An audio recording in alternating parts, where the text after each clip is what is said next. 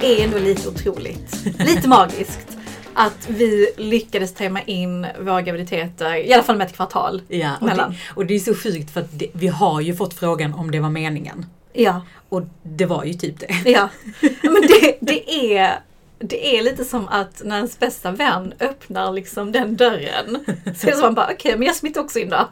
Det blir enklare. Ja men precis, och vi har ju varit vänner sedan vi var typ men jättesmå. Ja. Sen tonåringstiden. Ja. Tonåringstiden, säger man så? Tonårstiden. Och har alltid lite så här flörtat med tanken om att våra män ska bli bästa vänner i hela vårt gäng då. Mm. Och att vi liksom ska tajma graviditeter. Och vi ska bo nära varandra. Ja. Så sjukt! Allt det har ju hänt. Vi har ju visualized. Vi har manifest. Vi har vissa som ändå envisas med att inte bo i Malmö och Mm. hålla på. Men i, i det stora hela så har vi ändå lyckats med det i vårt kompisgäng. Mm. Och det som är så roligt för att jag minns ju när jag berättade att jag var gravid så var det som att du lite kände oj, nu måste jag också sätta igång. För nu betyder det att enligt vårt kontrakt Exakt! ja, men jag hade ju min plan att eh, sätta igång lät så romantiskt. sätta igång maskineriet. Ja. Sexy time. Nej men jag hade lite min plan att jag tänkte att men för, för så var det med, jag vill gärna gifta mig efter pandemin. Ni som lyssnar på podden vet om att jag fick sälja in typ fem gånger mitt, mitt bröllop. Så jag ville gärna liksom njuta av att vara gift, eh, få till bröllopet och sen hade jag mitt, i min skalle som den prestationsflicka man är att jag vill gärna vara på mitt jobb ett år och bevisa mig ja. innan jag liksom blir gravid eller lämnar Mm. för eh, mammaledigheten. Eh, så att det var jävligt bra timing. ja. Sen kan man ju inte bestämma. Nej. Men, men jag tänker kanske att, så här, att visualisera kanske ändå hjälper lite i alla fall. Ja, och sen så, alltså det var ju ingenting som vi överhuvudtaget tog för givet skulle funka. Eller skaka hand på. Nej, utan, utan det är ju verkligen så här, man får, man får se hur, hur snabbt det går och hur det funkar. Mm. Men jag är så otroligt tacksam över att vi ändå någonstans kommer vara mammalediga ihop, ha barn i samma ålder och liksom ha någon att bolla med. Ja, men ändå uppleva allt, alltså även graviditeten. Det har haft väldigt många Mm. frågor. Eller jag har haft eh, så här, hur, vad är detta för symptom? Är detta ett symptom eller inbillar jag mig? Ja. Alltså man har ju mycket tankar och känslor inför liksom vad komma skall. Så det är kul. Alltså herregud, jag har aldrig googlat så mycket, är detta normalt? Googlingar. Men vad är det för sjukaste du googlat då? Ja men du vet allt ifrån så här, ja men jag känner strålningar i benet till att ja, men det kliar eller, alltså du vet, det är ju så random. Jag fick ju häromdagen näsblod. Mm, just det. Alltså det bara rann blod från min näsa och jag var så här weird. Tydligen ett symptom man kan få när man är gravid. Jaha. Så att liksom, det är ju mycket som händer i kroppen som leder till googlingar. Mm, ja, men 100%. Jag fick typ kramp i benet när jag sov här om natten. Ja. Oh my god, är det, nu, är det nu det vänder? För jag har mått så himla bra hela perioden och vill må bra eh, resten av perioden. Men jag vet inte, det är väl vanligt. Ja, det är det.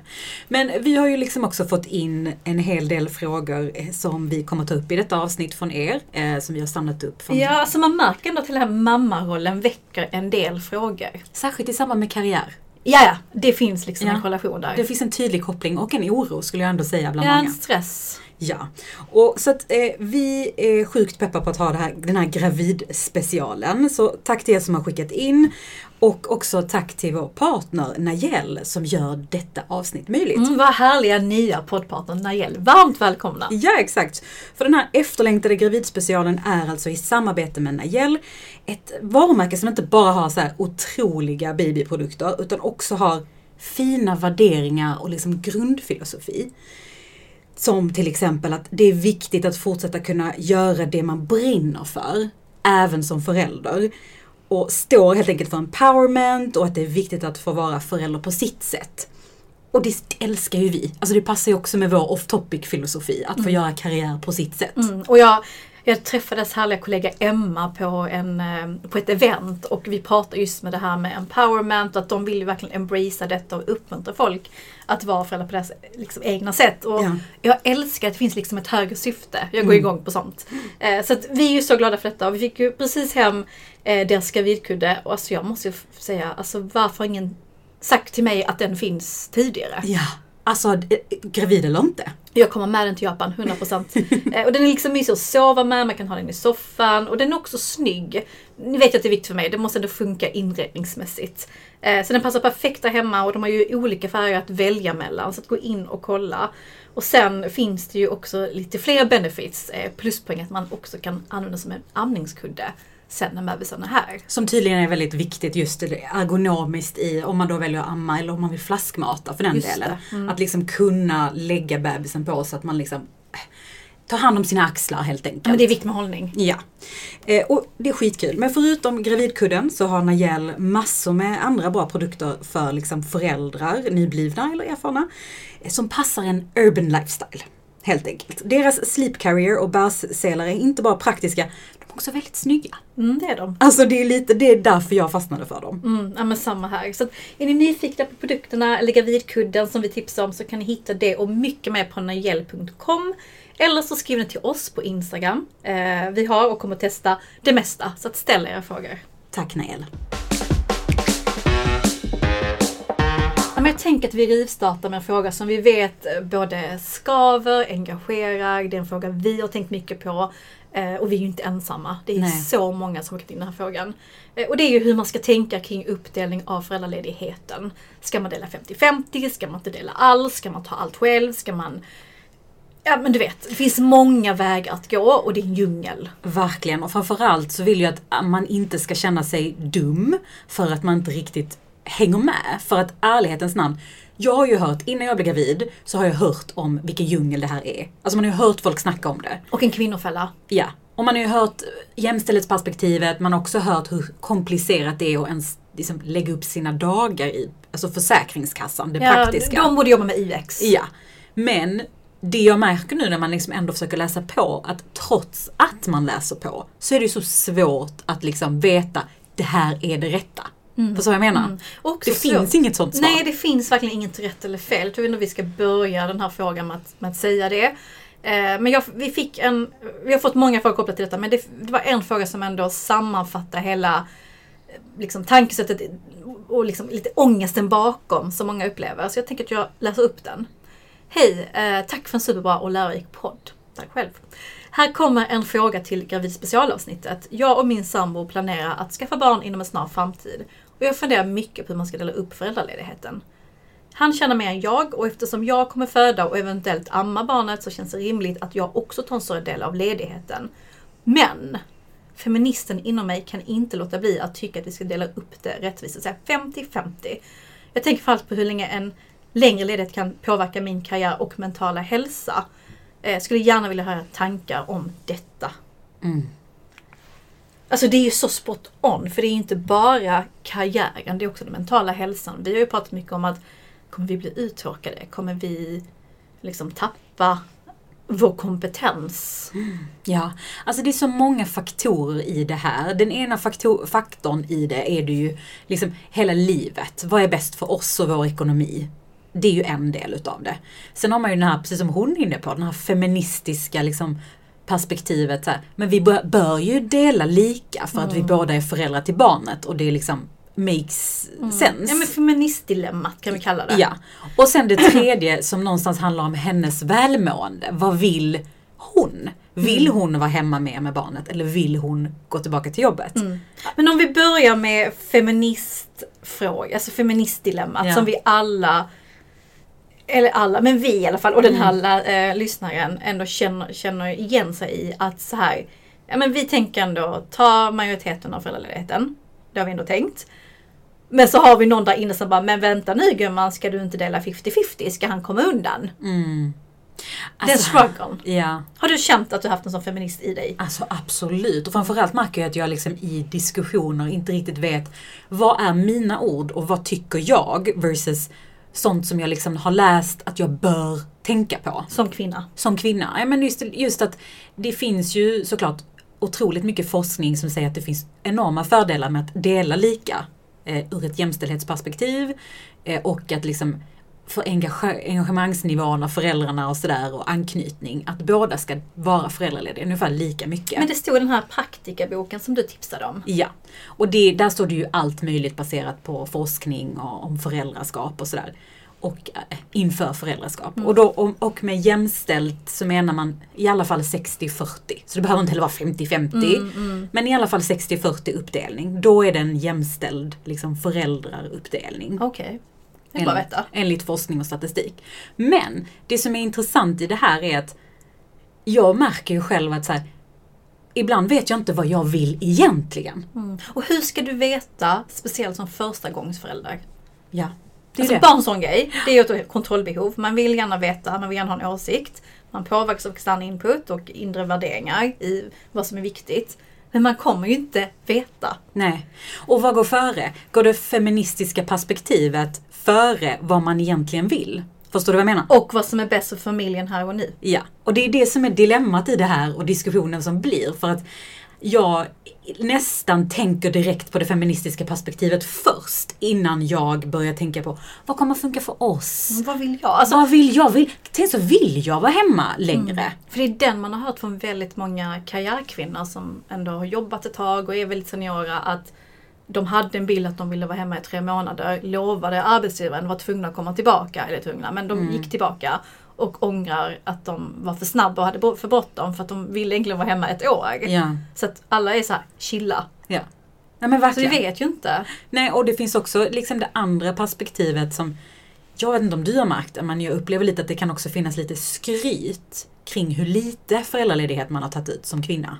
Ja men det finns det. Bland karriär, lite äldre karriärkvinnor kanske. Ja, men jag minns att jag hade en intervju när jag var nyexad och skulle söka trainee, trainee, traineeprogram i Stockholm. Och då, då sa den här, kvinnliga, den här kvinnan då som skulle bli min chef att hon har tre barn, hon tryckte ut sina barn och var tillbaka på jobbet efter ett kvartal. Och hon skröt som att det var coolt. Ja. Och jag minns att jag blev skiträdd. Jag bara oj. Och, man, och det är också så här, för vissa kan det vara inspirerande att okej, wow det går. Ja. Men för andra så kan det bli så här, men om inte jag vill det, är jag då en dålig kvinna quote on quote? ja det Eller karriärista? Precis, det är återigen den här prestationshetsen i vad som är ja, men det här karriäridealet. Ja. Men, så det finns ju kvar men vi, vi ser ändå lite humant alltså, i det här idealet. Det är ju inte bara hets. Nej, nej, det finns Det finns också två- positiva Ja, det finns delar av det. precis. Men hur känner du då? Alltså, känner du det här feminist, liksom, att du blir lite en sån eh, Nej men jag kan ju ägg, alltså, skällande och hum? nej, men jag kan ägga upp mig Ja. eh, i min liksom, ensamhet och mina tankar. Eh, men låt säga att jag jobbar hemma, så sitter jag själv i köket och jobbar. Och så kan jag bara tänka på massa frågor och så jag bara, ja nu ska jag fan ta diskussionen när han kommer hem, nu ska han få se liksom. Han Och så- ska inte tro här. Han ska inte tro. Ja. Och så tar jag upp det, att så, nej men jag funderar på om inte vi ska göra så här. Dela upp det. Och då är min man, ja, om du vill. Mm. Så blir det ingen diskussion. Och det blir så här, men, Vill du det då, tänker du? Liksom? ja det blir så här, men vad vill du? Och då blir det inte lika intressant längre att ha en diskussion kopplat till det. Mm. Ehm, så att jag, jag vill jättegärna dela upp det. För att man har läst den här boken om, och det finns forskning. Men jag tror också, och jag vet inte om det är en mognadsfråga eller att jag kanske är naiv, alltså jag har ingen aning nu för jag har aldrig varit mamma innan. Men att vi utgår från vad som är bäst för vår familj här och nu. Och jag tror att det som är bäst här och nu, i och med att min man också är egen, det är att jag tar majoriteten av föräldraledigheten. För jag tror också att jag kommer vilja göra det. Mm. Mm. Men vet du, jag, och jag kan också känna igen mig jättemycket i det som du säger. För jag har också haft liknande diskussioner. Det jag har märkt att jag stör mig på och jag genuint blir ledsen över. Det är att det är som att vi kvinnor behöver bära en så här jämställdhetsångest i våra relationer. Och att vi behöver hela tiden vara liksom ja, men lite på, på, på vår vakt eller hå- hålla utkik så att inte vi hamnar i de här fällorna som man har hört. Och så, som såklart är jätteviktiga, att man liksom försöker jobba mot. Det är ju verkligen två sidor av ett mynt i det här fallet. Men jag tycker samtidigt att det blir, jag kan bli ledsen att det blir en ångest snarare än att vi sätter oss ner vid bordet och pratar med vår partner om så här, hur löser vi det? Exakt. Hur gör vi? Mm. Ja, men lite så här att man utgår från att folk har good intentions. Att, att ens, ens man förhoppningsvis, eller sambo partner, vill ju också det som är bäst för familjen. Mm. Alltså, man har ju inte män som säger nej du ska vara hemma hela livet. Nej. Hoppas jag. Men sen är det också det intressanta perspektivet kring att om man tittar på samkönade äktenskap så är det ju, eller partnerskap som, har föräldrar, eh, som blev föräldrar, så är man bättre på att dela föräldraledigheten i de liksom, Mm, okej. paren. Ja. Vilket såklart indikerar på att det finns ju någonting rent så här eh, ja, men, o, ojämställt i grunden kring hur Mm. män och kvinnor delar upp sin föräldraledighet. Men jag tror generellt i livet, ingenting är jämställt. Men- ingenting är rättvist, 100% rättvist. Om man bara tittar liksom hur vi delar upp arbetet hemma, alltså hos dig och hos mig, är det 100% equal. Nej men och det går inte Det att vara går 100%. inte, nej. Och det är precis som Timbuktus otroligt eh, liksom, kända påstående om att jag är inte 50% det ena eller 50% svensk utan jag är 100% av båda två. Alltså Mm. förstår du? Jag tror att vi måste släppa lite den här 50% tanken som att det är hälften hälften. Det kan vara lite flytande i olika perioder. Precis som att 50-50 är destinationen. Sen, alltså, sen ska man inte heller vara naiv eller liksom dum och bli överkörd. Nej. För det finns även liksom de fallen där, där kvinnor har tagit, ja men de man har fått fem ungar och varit hemma i fem år och jobbat deltid resten av sin karriär. Och sen så har man knappt tänkt på pension och grejer och sen så lämnar ens man en och så blir det bara Ja. fucked up. Alltså Ja, men du det finns skräckhistorier. Verkligen, det finns ju de också. Eh, så jag tror någonstans att så här i det här feministdilemmat att gå tillbaka, okej vad tycker jag? Vad är mina värderingar? Vad är viktigt för mig här och nu? Vad tror jag? Alltså för man kommer aldrig veta 100% och sen bara ha en dialog med sin partner. Ja, alltså tillbaka till den här lyssnarfrågan som vi då fått. Att det är det viktigaste, vi, vi nämnde de här tre faktorerna som påverkar vårt beslut. Det viktigaste är vad du och din partner känner att ni vill göra. Det är ju egentligen steg nummer ett. Sen kan man kolla på vad är praktiskt och jämställdhet och så vidare. Men så här, vad vill du? Du som person, du pratade om ditt mående, du tog upp den. Den är skitviktig. Men det vet ju inte du på förväg. Nej. Alltså jag, jag har verkligen försökt så här tänka, vi kan planera jag och min man. Men det kan vi inte. Nej. Man kan bara prata om det. Ja men ett halvår in så kanske jag känner att nej men jag vill inte. Jag vill tillbaka för att jag känner att jag håller på att bli knäpp. En dag i veckan, två, två dagar i veckan, hur jag vill göra.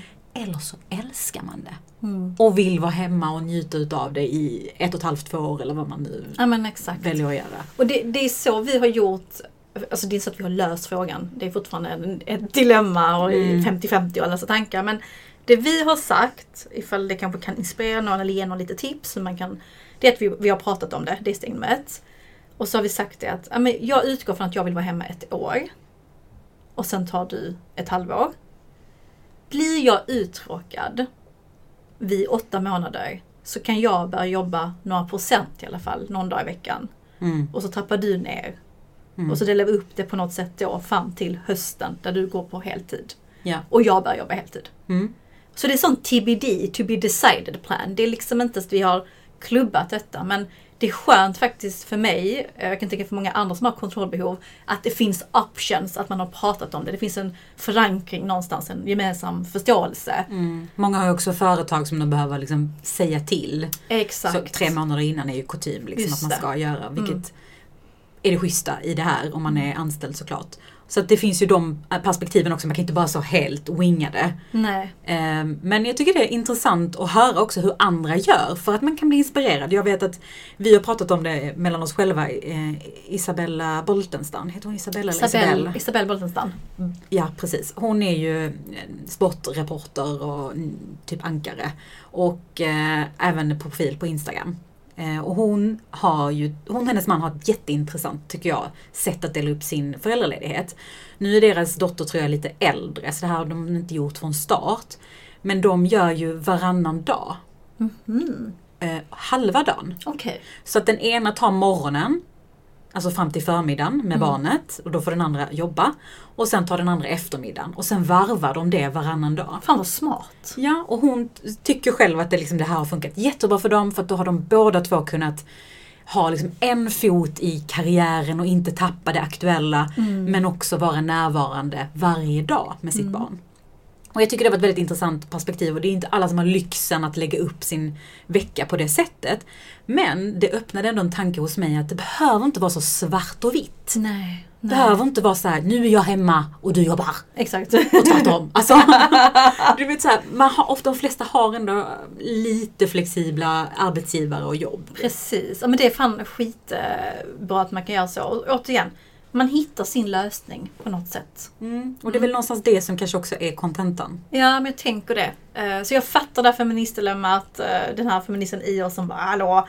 Men jag tror någonstans också att utgå från vad är bäst för familjen. Sen tror jag också, denna kanske är lite kontroversiell att jag säger det till att jag tycker det, men vems karriär är viktigast här och nu? Det låter jävligt harsh, men jag tror ändå verkligen att det är så att det kan vara att någon i familjen eller paret håller på och avancerar. Det, det är liksom viktiga saker som händer. Såklart inte viktigare än ett barn. Men man är ju ett team och då kanske man löser det. Där sa du faktiskt någonting jävligt viktigt tycker jag. För att det perspektivet tror jag att man glömmer i när man tittar på liksom, hur ska vi göra med våra liv? För att man tänker alltid att det ska vara jämställt och det ska vara lika. Men så i ett, under en hel li, livstid så har man ju olika perioder av liksom, det här är jätteviktigt för mig just nu. Låt säga om, om jag nu hade haft en karriärmöjlighet som dyker upp, som jag har drömt om hela mitt liv. Då hade jag förväntat mig att min man steppar upp mer. Ja. För att det är viktigt för mig. Och tvärtom. Mm. Och det kommer gynna familjen. För att det gynnar familjen och att man får, man får dock såklart vara noga med att jag kommer också ha en sån period någon gång och då får du steppa upp. Alltså att det blir liksom en, verkligen ett, ett team. Mm. Och det är väl någonstans ett partnerskap går väl ut på det, att vara team. Ja annars kan man väl likväl vara själv känner jag. Ja, men lite så. Men det är en svår fråga. Den skaver, den engagerar, det finns inga rätt eller fel. Nej. Och det är så intressant för jag tycker att vi, vi vet ju inte. Alltså vi, vi är ju bara gravida. Vi får ju se vad vi tycker om ett år. Det Ja. ska bli intressant. Absolut. Och, det, och till den här personens dilemma eller den här personens fråga så kan det väl också vara skönt att någonstans kan vi bara påminna oss själva om att inte shamea varandra. Ja. Oavsett hur man väljer att göra. Mm. Att inte liksom... Men verkligen det, här, det här är upp till var och en att lösa tillsammans med sin partner. Mm. Det är inget, så här, du behöver inte hålla eh, liksom, den feministiska flaggan på dina axlar. Förstår du vad jag menar? Nej, det behöver inte bli jämställdhetsångest som du var inne Nej. på. Sen är det klart en viktig fråga att tänka på. Men, men någonstans se det för att så här, okej, vi kan ta inspiration, tips av varandra. Men någonstans så kokar vi ändå ner det i, okej, vad är bäst för oss som familj? Men vi har ju fortsatt samla in lite frågor från er lyssnare eh, som ni har ställt till oss via Instagram. Och en fråga som dök upp som jag tyckte var lite intressant. Det, det kom upp flera gånger. Ja, tar karriären paus eller stopp, tycker ni? Mm. Och det tyckte jag var lite intressant för att jag har inte ens tänkt att den skulle ta stopp. Nej, inte jag heller. Nej, Liksom. Att det skulle ta slut. när man fick den frågan så tänkte man oj, är den slut nu? Alltså lite så. Den Redan? känslan. Vad skönt! Men jag tycker ändå det säger mycket om liksom att många kvinnor har byggt upp en slags ångest inför att vara föräldralediga och bli mamma. Typ som att så här, ja, men, när man har varit karriärista, man har liksom kört sin karriär, man har accelererat, man har gjort massor med saker. Det är ens identitet. Liksom. Ja, och det är ens prestation och man känner att det här är jag. Och sen så blir man mamma och det är som att man bara liksom lite har en ångest som typ, ja men nu är det fint väder nu måste jag göra på ett visst sätt. Alltså du vet verkligen den. Eh, och man vill inte missa något. Jag pratade lite om min FOMO-känsla som jag fick egentligen först i början av min graviditet. Att oh fuck, nu måste jag tacka ner till uppdrag, till kunder. Jag kommer missa det här och du vet så här, lite ångest över det. Mm. Men du har ju inte alls känt det. Du har ju liksom så här varit helt okej och fine med din föräldraledighet. Ja. Kan inte du dela lite så att vi andra kan få inspireras? Nej men alltså det jag känner är ju att det ska bli skönt med en karriärpaus utifrån att vila min hjärna. Alltså det har varit Mm. jävligt intensivt de senaste åren när jag tittar tillbaka till vad jag har gjort. Mm. Bytt jobb och liksom varit lite konsult och sen så har jag varit hybrid och sen har jag, ja men du vet, podden har vuxit också. Eh, och alla föreläsningar. Så att jag känner bara att det varit så jävla mycket och jag har ju njutit. Det varit skit, alltså jag älskar det jag gör. Jag har verkligen lyxen att, att tycka att det är kul. Men jag tror också det är dags för en paus. Och detta Ja. kommer jättelätt för min mentala hälsa tror jag. Sen tror jag också att jag har fått ett lugn i att många kvinnor som jag ser upp till har sagt till mig att, eh, att det, det, detta är det bästa som har hänt dem. Att jag ska embracea den här föräldraledigheten, inte ha ha för bråttom tillbaka. Så jag tror liksom att det är bara liksom mitt mindset. Sen håller jag med. Det är klart att när vi satt nu, vi hade säljkonferens på jobbet och pratade om eh, vad som händer under SS24, det vill säga våren 2024. Skitspännande grejer. Där jag vet om att jag kommer briefa en byrå och sen så kommer inte jag vara med och eh, exekvera på detta.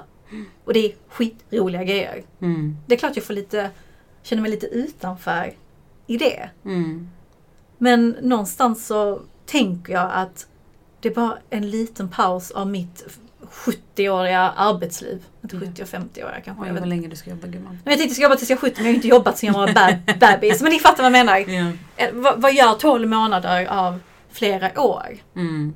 Och hittat ett lugn i det. För att jag har alltid känt en ångest innan.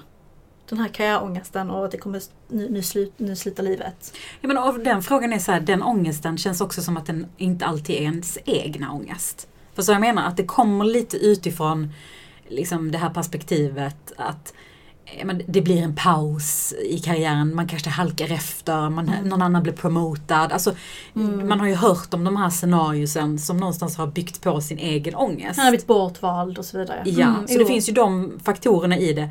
Men jag tycker också att man behöver se det mycket utifrån sin egna inställning. Att det här är ett sätt för mig att utvecklas. För vi har ju också fått höra från bland annat rekryterare som vi har varit i kontakt med, att de tycker att så här, föräldrakvinnor, föräldrakvinnor liksom, men eh, kvinnor med, med småbarn är de mest pragmatiska Den bästa anställningsbara personen. Exakt, för att de liksom, there is no time for bullshit, de kör liksom. Mm. Eh, och att det finns fördelar i det. Och liksom skifta perspektivet lite i att jag försöker tänka mycket på att jag kommer lära mig mycket nytt. Mm, det, Som är jag en bra, inte kan. det är en bra inställning. Att inte liksom se det som att nu tar jag en paus och jag ska inte göra, alltså typ som att tiden stannar. Utan snarare så här att jag kommer utvecklas under den här perioden. Mm. Här självledarskap. Ja men lite. Personligt ledarskap. Ja, för jag Mm. tror ju att man blir, att man utvecklas som person. Ja, men jag tror man får väldigt mycket så spännande insikter som vi absolut inte kan tänka på nu för att vi inte är där än.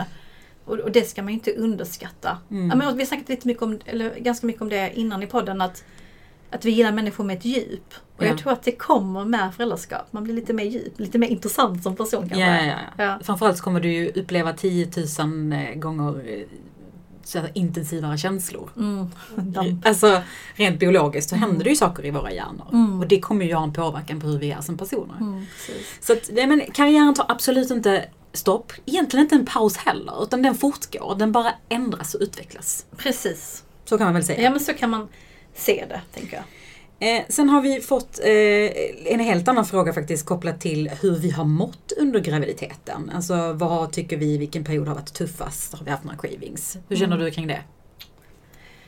Alltså ta i trä. Jag hoppas alla framtida gravida mår som jag gör, för jag har mått jättebra. Pipper, under pipper. hela perioden. Det är klart att jag var trött, det var ju väldigt jobbigt första trimestern. Alltså hela vår honeymoon, alltså vi sov. Alltså, vi, vi var inte på honeymoon, vi bara sov i, i två veckor, tre veckor. Ehm, men jag embracear lite den tröttheten. Jag passade på att ta mina naps och var liksom fine med det. Sen älskar jag att sova. Ehm, sen var det kanske lite jobbigt med foglossning som kom in och spöka vecka 12. Men jag lyckades träna bort, bort den eh, Mm. och sova med kudde och så, vilket hjälpte. Så att, tycker jag mått bra. Sen har det väl varit ibland rent mentalt att jag fått, inte en ångestdusch som vi snackat om innan tidigare liksom, när man Ja men du vet, men du kan beskriva vad Ska man säga? menar att det bara sköljer ångest över en. Liksom. När man är liksom äter glass. Det kommer från det ingenstans. kommer från ingenstans. Mm. Eh, är att såhär, fan eh, vad har jag gett mig in på? Mamma! Alltså det med de tankarna har jag känt några gånger. Mm. Eh, att shit, det är någon i mig just nu Ja. som ska bli ett barn som jag tar ansvar för. Eh, så det är väl mer sådana mentala grejer. Och cravings. Jag har haft väldigt olika, allt från apelsinjuice, som är så fucking dyrt by the way. Det borde vara subventionerat för gravida kvinnor. Eh, lingongrova, mackor, eh, vad heter det här brödet? Sånt gillar? man gillar när man var liten. Hörnakaka. Ja, hörnakaka. Mm. Älskar, kan slakta en sån limpa på en vecka. Eh, glass. Glass är min nuvarande, jag äter glass varje dag. Ja, och det är helt okej för det är fint väder också dessutom. Så man bara yes. Mm, och det är 50% på Pressbyrån. Inget samarbete men det, men det är så intressant för du säger det när du pratar om den här ångestduschen som du kände.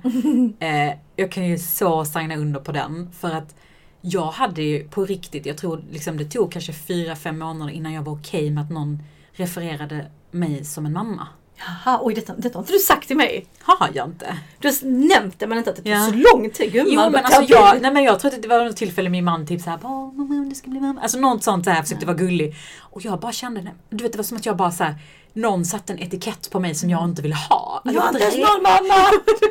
Jag var liksom inte redo för det.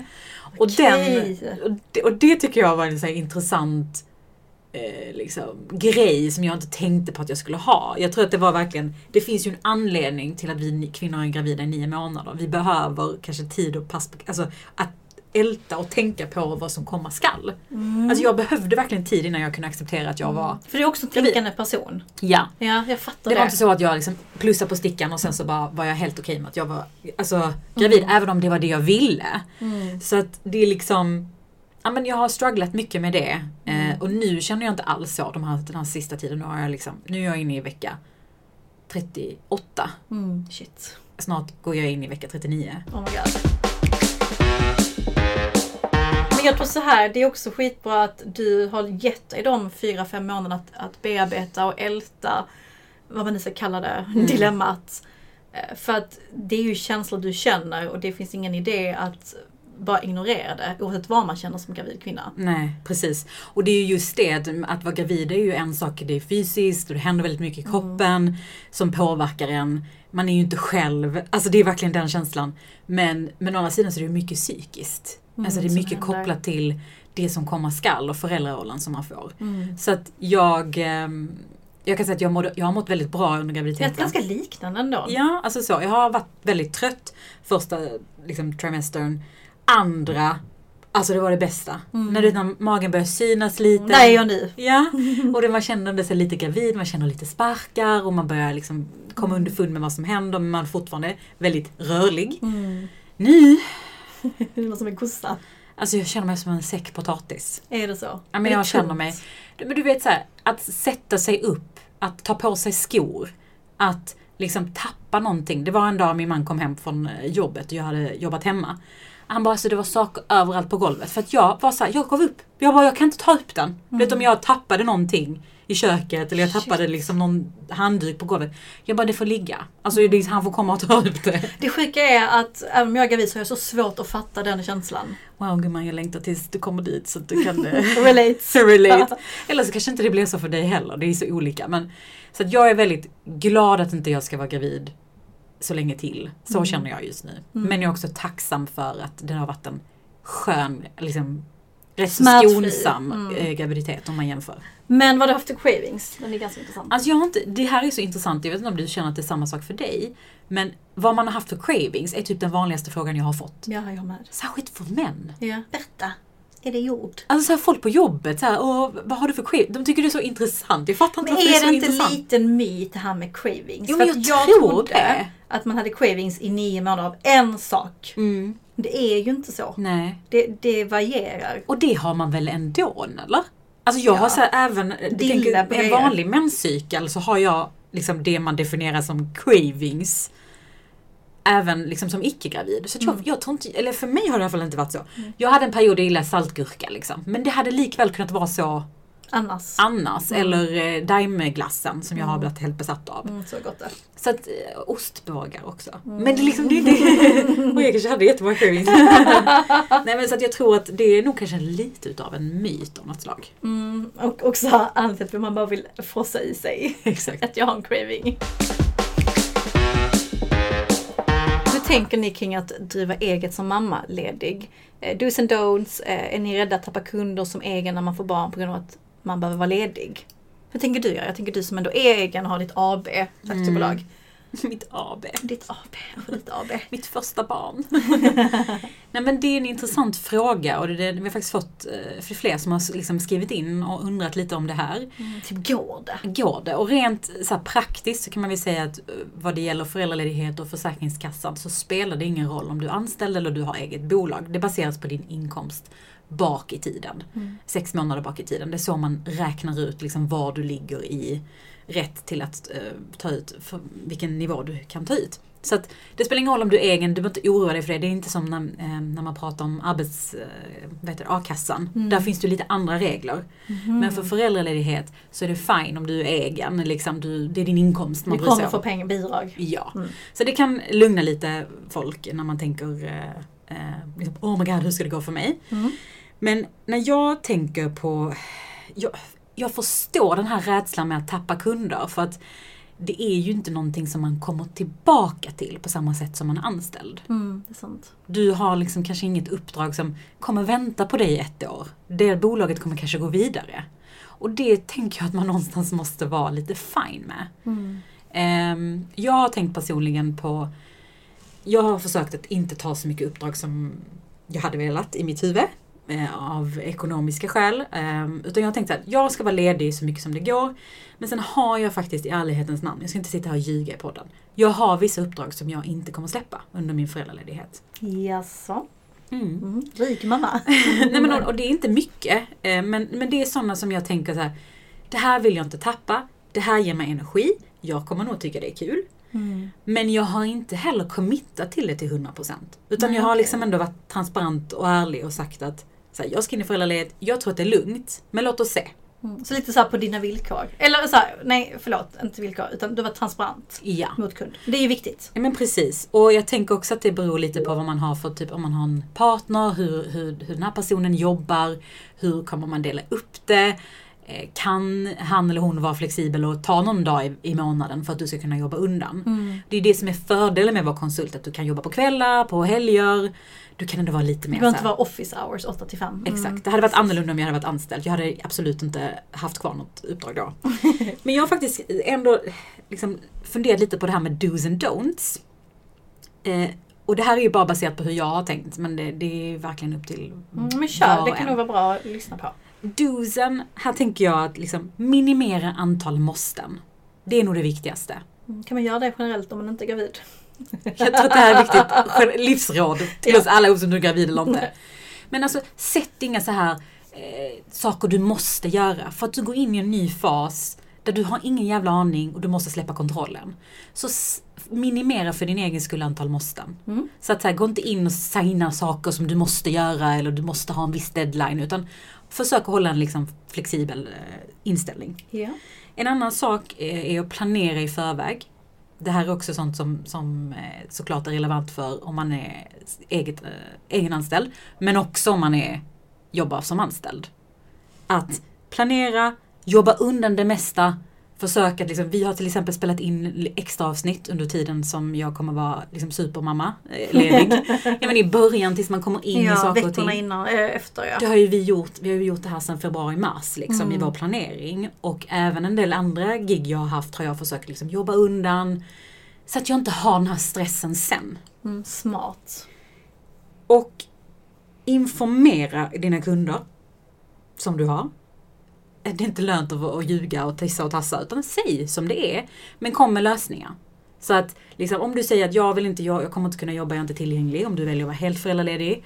Säg det då och kanske till och med kom med en partner som, som du jobbat mycket med, en, en kollega som kan ta över. Tips. Tips lite på hur de kan lösa det för då kommer de ändå liksom ha dig i loopen. Mm, smart. Tänk lite om någon kan vicka för dig, lite så. Mm. Eh, och sen också att lyssna på din kropp. Glöm inte liksom att du ska återhämta dig från nio månaders graviditet och en förlossning. Det här, den här delen av liksom, ditt liv är till för att du ska återhämta dig. Är För vad som har hänt. sant. Det är sant. Så vi behöver också vara lite, Jag har inte alls tänkt på det. nej, men det kommer du göra sen när du har gått med den här kroppen. Nej, men så att det är liksom, de delarna är skitviktiga. Så att, Mm. och det också rimmar lite med vad du, jag tycker man inte ska göra, liksom don'tsen i det här. Det är att inte lova någon något. Det har jag Mm. verkligen försökt vara tydlig med för att jag vet att jag är så som person. Har jag lovat så kommer jag må så dåligt om jag inte håller det. Så onödig stress Ja, egentligen. jag vet. Ja. Men det är liksom så att jag lovar inte någon något. Jag säger alltid så här, jag vet inte hur det kommer bli men jag hoppas. Alltså verkligen så här. Bra integritet gumman, jag Ja. sånt. Ehm, och tänk inte för mycket på framtiden, försök att vara här och nu. I den här fasen, det här är något nytt. Det här är någonting som du inte kommer uppleva så ofta. Så försök att vara i nyhet för din egen skull. Och att inte ta uppdrag framåt som du vet redan nu kommer dränera din, din energi. Vi har alla haft sådana kunder. Mm. Detta måste vi ha ett eget avsnitt om. Ja. Saker som tar energi. Ja, men exakt. som... Ja. Försök fundera på, för att du, du måste se att ska du nu ta uppdrag under din mammaledighet så behöver det ge dig energi. Mm, och gärna liksom att det är lättförtjänta pengar. Ja, exakt. Ja, men vi har pratat mycket om det här med liksom olika slags uppdrag. Timlön. Timlön, hur svårt är det för dig? Alltså den typen av saker. Eh, så att, ja, nej, men det är väl mina bästa tips och råd kring det. Mm. Så man kan vara lite lugn om man är egen. Men en annan fråga som också engagerar, som många tänker på, som även jag själv tänkt jättemycket på. Det här med pension. Mm. Vad som kommer hända med den när man då är mammaledig. Ja. Det är lite så skräck i den frågan. Ja men den lyfts ju ofta, oftast upp eh, när man pratar om så här jämställd föräldraledighetsfördelning. Mm, det är lite av jämställdhetsångesten vi pratade innan om. Mm. Mm. Att vad händer med den? Och det är så lätt att inte eh, tänka på den för att man inte ser den här och nu och det är så långt fram. Men det är ju en viktig fråga. Men den har gett lite ångest. Mm. Men du har läst på lite. Ja men alltså det, det är ju verkligen såklart en viktig faktor att tänka på. Man ska inte helt försumma pensionsdelen. Eh, men jag tycker också att man behöver läsa på lite på vad innebär det här för mig? Ja. Innan man liksom går på sig en ångest. Mm. För att det beror såklart på om du till exempel väljer att ha ett eller två barn eller du vill ha fyra, fem barn och vara, och vara mammaledig en längre period eller föräldraledig en längre period. Det påverkar ju. Desto fler år du är hemma, desto större påverkan kommer det ha på din pension Mm. såklart. Men så att, det, finns också många fall där det inte behöver vara en ångest för att du kanske bara planerar att ha ett, två barn och kommer vara hemma kanske max två år totalt. Och speciellt om man har corporate jobb som många av våra lyssnare har. Mm. Med skitbra tjänstepension, skitbra avtal. Precis.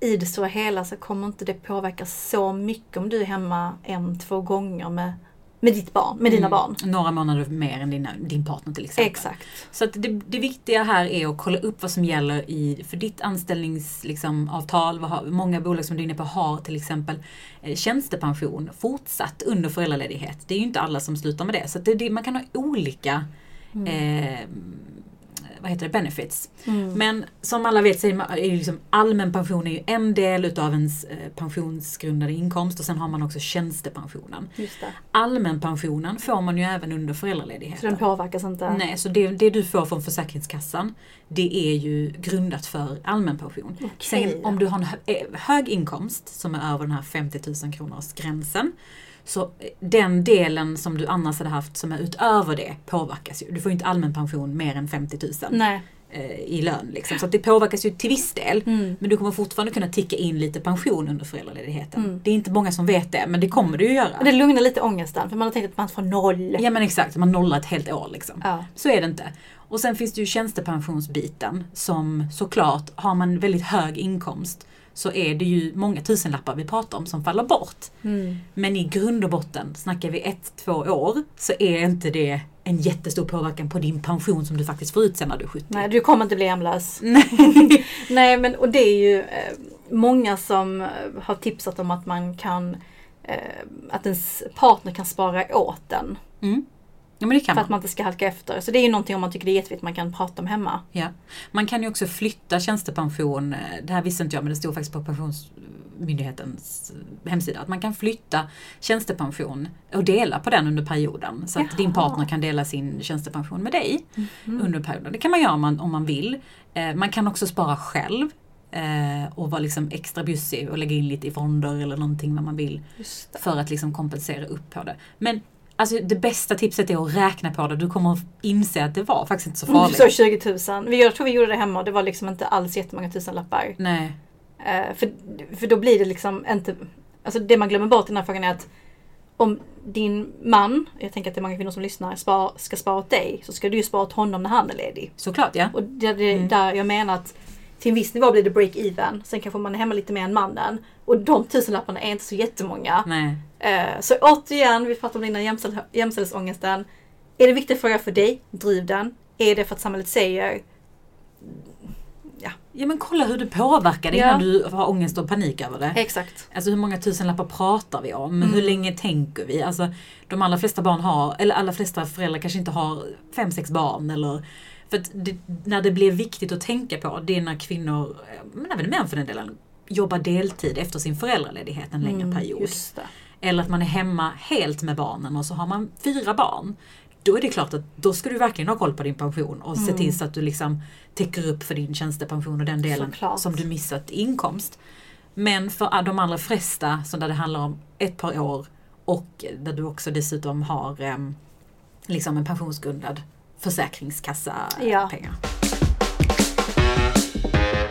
Och så fick vi den här frågan kring kön. Ett, om vi vet och två, hur vi reagerade. Ja. Mm. Alltså vi, vi fattar ju inte folk som inte kollar upp kön. Och jag personligen fattar inte folk som Jag har ingen preferens. Nej gud nu ska inte jag shamea. Förlåt.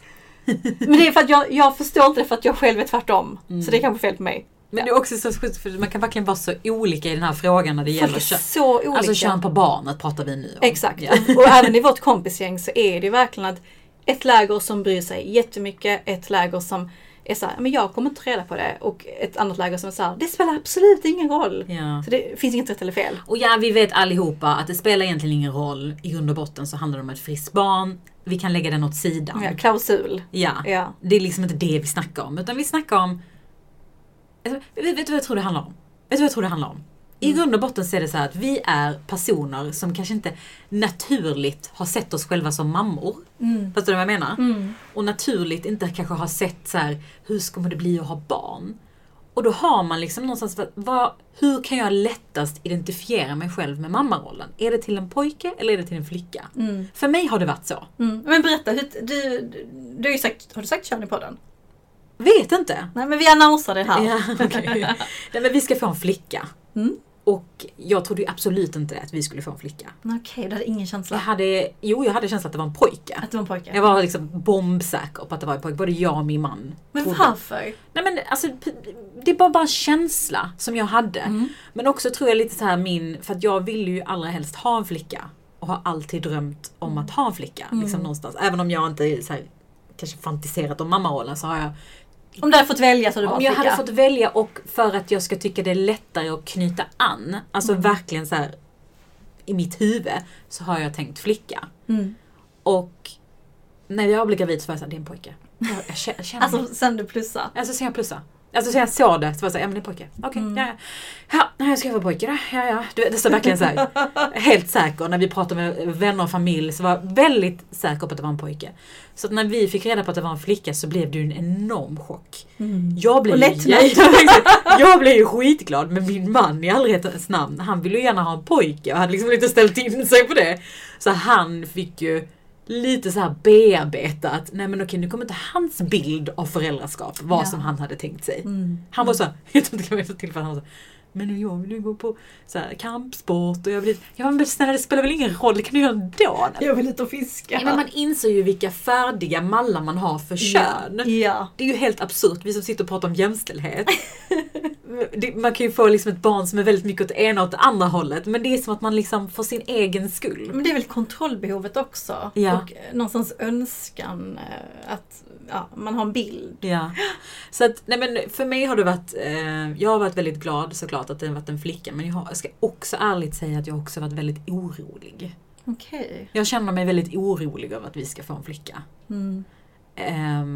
Och För att... Jag vet inte, jag tror bara att jag känner att det känns som ett enormt ansvar. Mm. Ja, men tänker du samhäll, samhällsmässigt? Samhället och liksom så här, hur ska jag, fan ska jag skydda den här personen? Mm. Och bara så allt som kan vilja henne illa. Alltså Mm. verkligen så här, att man börjar tänka i de här banorna. Mm. Det är klart att det har ju, antagligen har jag känt så också om det var en pojke. Det är inte så att jag bara att kasta ut det. Men det har bara blivit någonting i mitt huvud.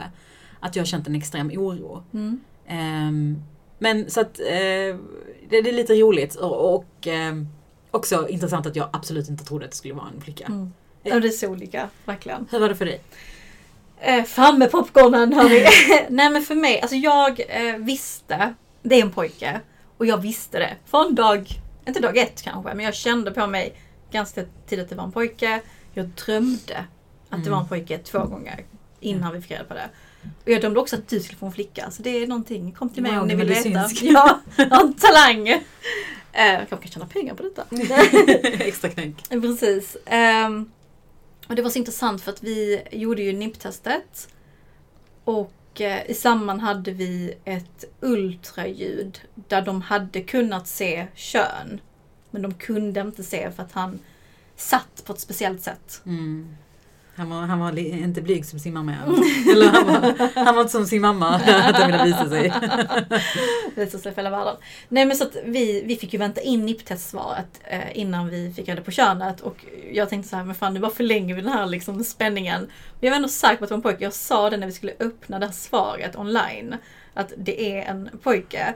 Och vi filmade ju våra reaktioner. Och eh, så stod det grattis till en pojke! Och jag ville jättegärna ha en flicka. Jag har alltid sagt det. Jag har också kanske blivit besatt av den här bilden av att min mormor lever ju fortfarande. Att vi kommer vara fyra generationer. Alltså Mm. mormor, mamma, jag och min dotter. Du hade redan sett den bilden framför Jag dig. hade ett namn färdigt, jag hade liksom en hel vision av hur det skulle bli. Och den hade jag till och med innan jag blev gravid, att jag vill gärna ha en flicka. Så jag, jag var besviken. Um, alltså jag var ju glad att Nips såg bra ut och alla värden och, och så. Klausulen är där, vi vet. Vi vet. Mm. Men för mig handlade det om att, eller jag upplevde att jag förlorade någon.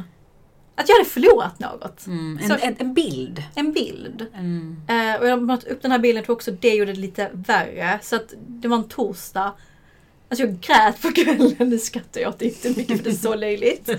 Men jag var inte så jätteglad så som kanske du var. I och med att det blev som du ville. Mm. Eh, och då kom också dessa skuldkänslor i att fan är det fel på mig?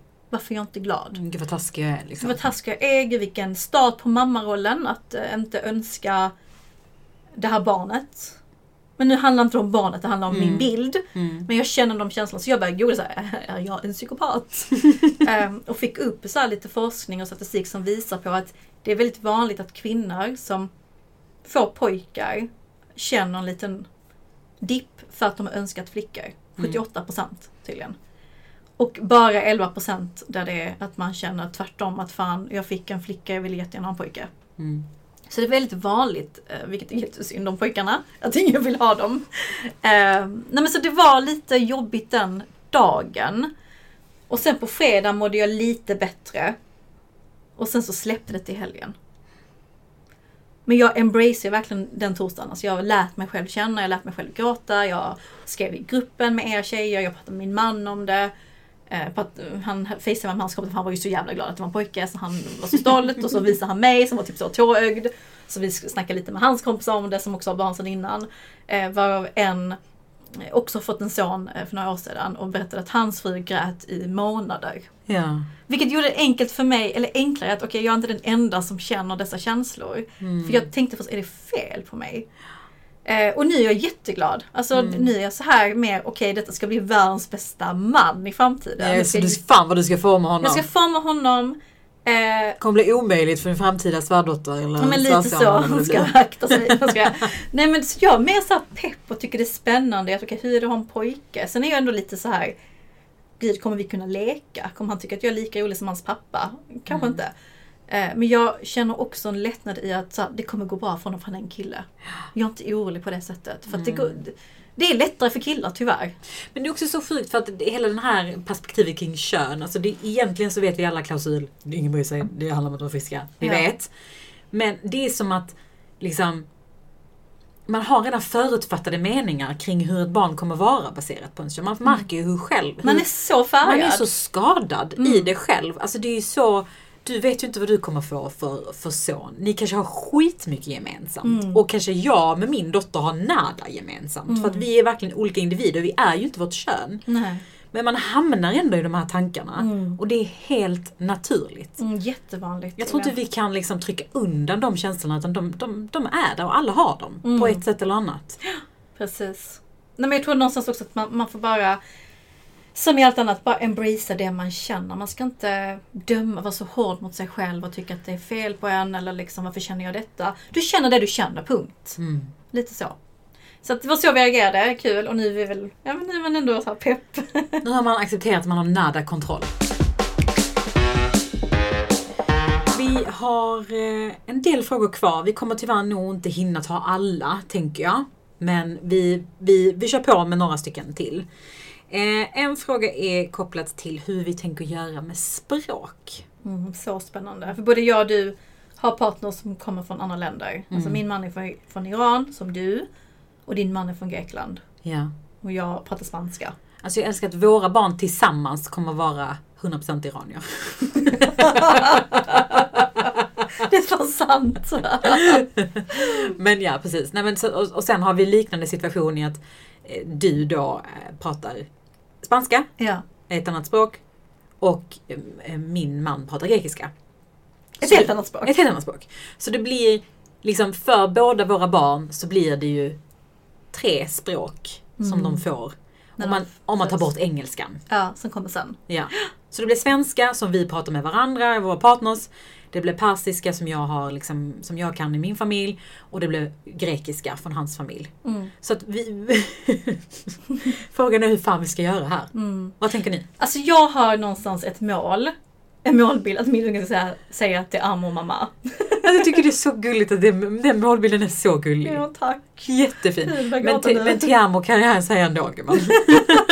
Men. du menar att han liksom ska kunna uttrycka sig och säga det? Liksom. Ja men Mm. det kommer komma en bild, en video på Instagram one day. Nej men att, Mm. att ändå lära honom spanska. För att jag vet nu när jag är vuxen hur mycket det har gett mig. Men jag var ju sån jobbig unge som inte ville prata spanska. Ja. Och min mamma var lite slapp. Det var min mormor som drev på det. Mm. Eh, och samtidigt min pappa, han var inte heller duktig eh, med vietnamesiskan och därför kan inte jag den. Nej, men precis, för du har ju verkligen det exemplet i det att du är halv. Mm. Och det vill säga, fast du fick bara det ena språket, Ja. bara, bara, bara det är ju en jättevinst. Men du fick det ena språket men inte det andra. Mm. Och att det är någonstans, du tycker det är lite synd? Nej men det eller? påverkar också för jag känner mig mycket mer liksom latina än, än, än asiat och kulturmässigt, språkmässigt, att man vibar med familjen på ett helt annat sätt. Alltså det är jätteviktigt. Och där tror jag ändå att man som förälder har ett ansvar. Uh, gud, jag inte lägga mer prestationsångest på folk, men jag tycker att man har ett ansvar att försöka. Sen tror jag att det kommer bli skitsvårt. Jag tror inte det kommer bli enkelt. Alltså jag märker nu när man typ säger hej till magen så säger man inte hola que tal. Nej. Alltså fattar du? Det är. Men det gör man inte. Man bara Nej. hallå bebisen. ja. Ehm, men vi har sagt i alla fall att vi ska eh, försöka. Eh, han persiska, jag spanska och gemensamt svenska. Och så får vi helt enkelt se hur det går. Ni då? Nej, men vi har ju samma liksom, målsättning. Och det, det roliga är för att både jag och min man har varit så sjukt kaxiga med detta sen vi liksom blev ett par. Att så här, våra barn ska kunna prata båda språken, de ska hit och dit. Alltså vi ska ta så himla hårt på det, vi ska vara så noga. Rent värderingsmässigt har vi tyckt att det här är extremt viktigt, vilket jag tycker är fint. Men nu när det börjar närma sig, så om man inser, precis som du säger, man inser hur mycket mer bekväm man är med svenskan Mm. att det kommer verkligen bli en utmaning. Men vi har också sagt att så här, jag kör persiskan, han kör grekiskan. Men här tycker jag också att det är så viktigt att våra familjer hjälper till. Mm, och det kommer de. Alltså jag tänker att mina föräldrar måste ju bara prata, alltså de, de, de får noll dispens. Jag får dispens för att jag inte, jag är inte så fluent på jag persiska. heller.